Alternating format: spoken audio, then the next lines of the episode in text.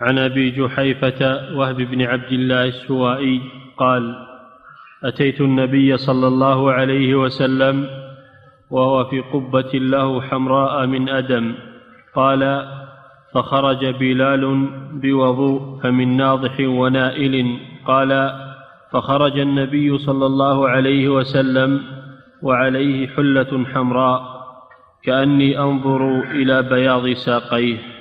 قال فتوضأ وأذن بلال. قال فجعلت أتتبع فاه ها هنا وها هنا يقول يمينا وشمالا حي على الصلاة حي على الفلاح. ثم ركزت له عنزة فتقدم وصلى الظهر والعصر ركعتين ثم لم يزل يصلي ركعتين حتى رجع إلى المدينة. نعم هذا حديث أبي جحيفة السوائي وهو من شباب الصحابة رضي الله عنه وروى عن النبي صلى الله عليه وسلم احاديث كثيرة منها هذا الحديث أنه جاء إلى النبي صلى الله عليه وسلم يعني في مكة في حجة الوداع جاء إلى النبي صلى الله عليه وسلم وهو في مكة في الأبطح نازل في الأبطح قد ضربت له خيمة خيمة من أدم يعني حمراء والأدمة الحمرة ويطلق الأدم على الجلد على الجلد يقال له أديم. الجلد يقال له أديم. فالنبي صلى الله عليه وسلم كان في سفر وضربت له الخيمة كان في داخلها. جاءه بلال رضي الله عنه بماء الوضوء الوضوء بالفتح الماء الذي يتوضأ به. أما الوضوء بالضم فهو المصدر مصدر توضأ وضوءا. خرج النبي صلى الله عليه وسلم بالوضوء أي ببقية الماء الذي توضأ به صلى الله عليه وسلم في الخيمة. فلما رآه الصحابة أحاطوا به يتبركون بهذا الماء الذي فيه أثر النبي صلى الله عليه وسلم. يتبركون بذلك فمنهم من آه، نضح منهم من من نال من الماء. أخذ منه ومنهم من نضح يعني رش عليه من هذا الماء. وهذا من خصائصه صلى الله عليه وسلم أنه يتبرك بما انفصل من جسمه عليه الصلاة والسلام. لأنه مبارك لأنه مبارك فمن فصل من جسمه ففيه بركة. كانوا يتبركون بوضوئه. بوضوئه ويتبركون بشعره إذا حلق شعره. ويتبركون بعرقه عليه الصلاة والسلام. ويتبركون بريقه عليه الصلاة والسلام. وهذا من خصائصه صلى الله عليه وسلم. أما غيره من الصالحين فلا يتبرك به لأن الصحابة لم يفعلوا هذا مع غير النبي صلى الله عليه وسلم.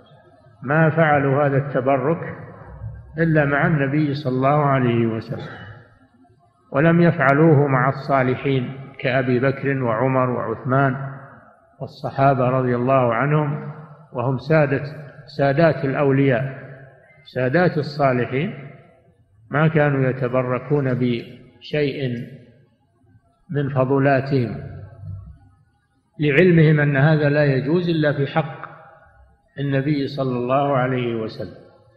ليس هذا متمسك للخرافيين الذين يتبركون بآثار الصالحين كما يسمونها هذا وسيلة من وسائل الشرك وغلو غلو في المخلوق.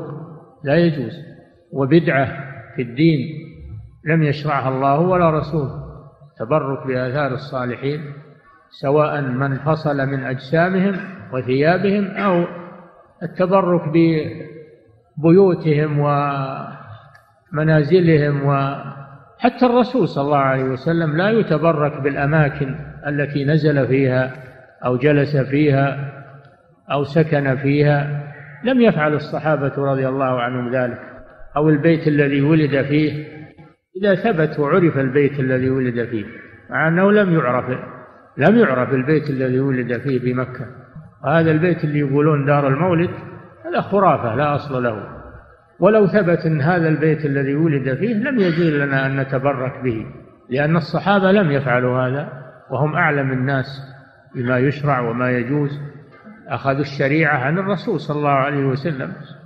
ولو كان التبرك بالآثار الأرضية والمنازل والبيوت جائزا لفعله الصحابة لأنهم هم الذين يبينون سنة الرسول صلى الله عليه وسلم فهذا ينبغي أن يعرف ويعلم لأنه علق به كثير من الجهلة والمخرفين صاروا يدعون الناس إلى ذلك وآل الأمر إلى أن هذه الأماكن صارت تقصد للعبادة أو يعتقد فيها أولى الأمر إلى الشرك بالله عز وجل وأن تعبد هذه الأماكن.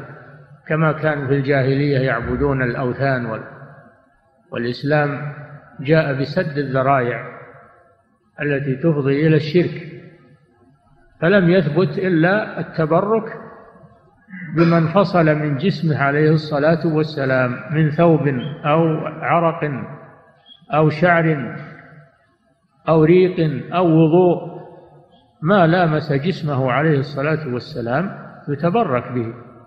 وأما غير ذلك فلا. لا يتبرك بشيء من المخلوقات والآثار.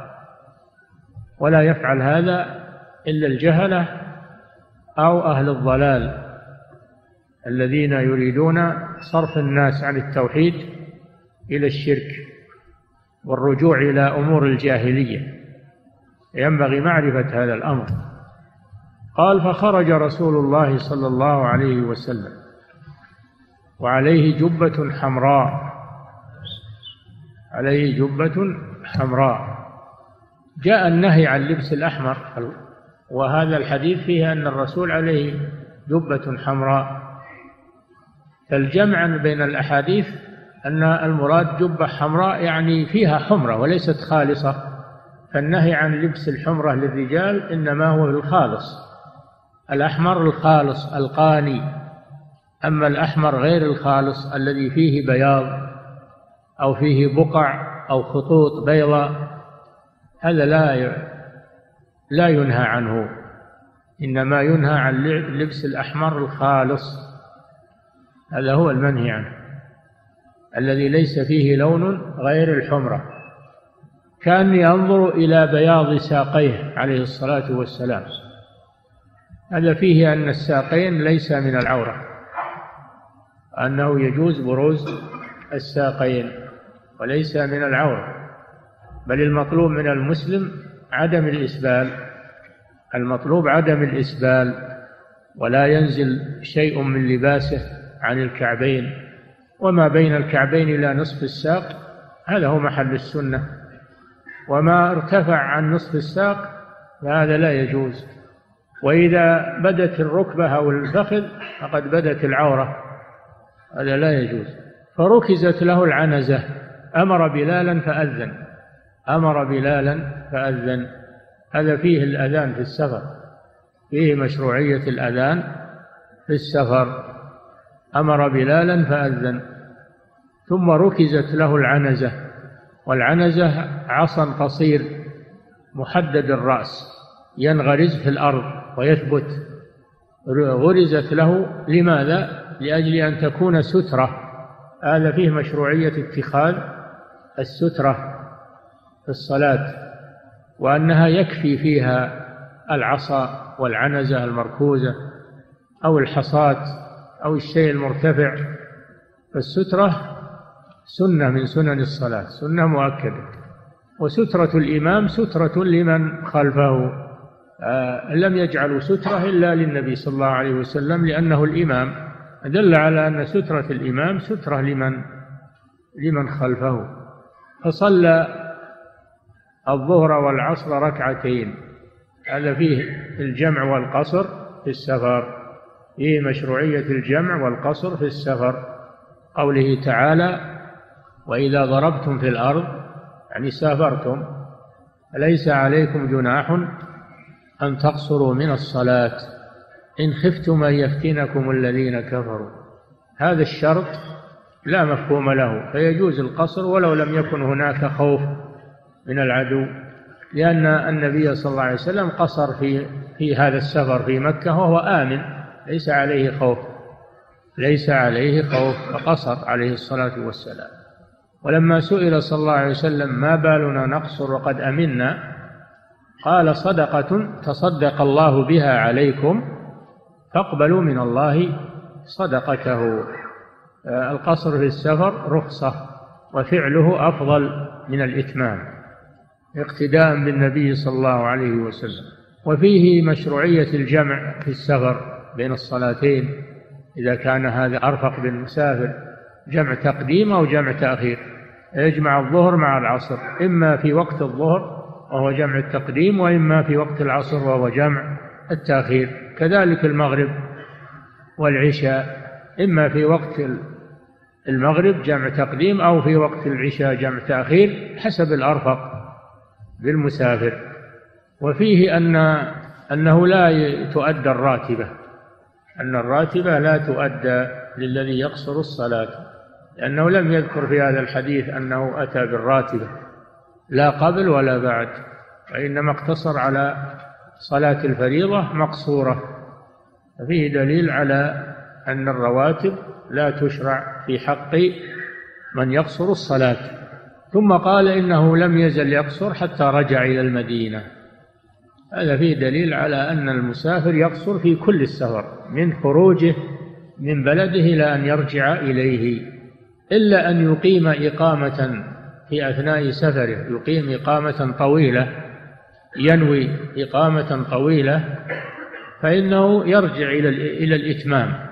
لأن الأصل في الإتمام الأصل في, في الإقامة إتمام الصلاة فيرجع إلى الأصل وهو أن الأصل في الإقامة إتمام الصلاة وإنما القصر في السفر.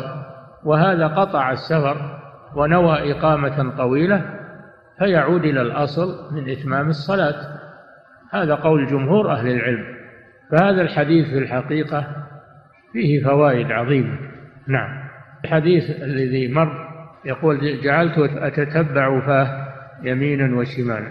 أعد الحديث. صلى الله عليك عن أبي جحيفة وهب بن عبد الله السوائي قال أتيت النبي صلى الله عليه وسلم وهو في قبة له حمراء من أدم. قال فخرج بلال بوضوء فمن ناضح ونائل. قال فخرج النبي صلى الله عليه وسلم وعليه حلة حمراء كأني أنظر إلى بياض ساقيه. قال فتوضأ وأذن بلال. توضأ يعني توضأ قبل أن يخرج. قوله فتوضأ ليس معناه أنه ما توضأ إلا بعد الخروج بل توضأ قبل أن يخرج. وخرج بلال ببقية وضوئه الذي تبركوا به. نعم. قال فجعلت أتتبع فاه ها هنا وها هنا يقول يمينا وشمالا حي على الصلاة حي على الفلاح. نعم هذا فيه فيه أن المؤذن أن المؤذن يلتفت عند الحيعلتين يمينا وشمالا. فإذا قال حي على الصلاة يلتفت عن يمينه وإذا قال حي على الفلاح يلتفت عن يساره لأن هذا أبلغ أبلغ للناس ولأن قوله حي على الصلاة دعوة دعوة للمسلمين أي أقبلوا حي حي على الصلاة أي أقبلوا وتعالوا وهلموا إلى الصلاة. فالالتفات من أجل أنه أبلغ في وصول الصوت. إلى الناس. فهذا فيه دليل على أنه يستحب للمؤذن أن يلتفت يمينا وشمالا أن يلتفت يمينا وشمالا في الحيعلتين. نعم. ثم ركزت له عنزة. نعم. طيب الحديث اللي بعده. صلى الله إليه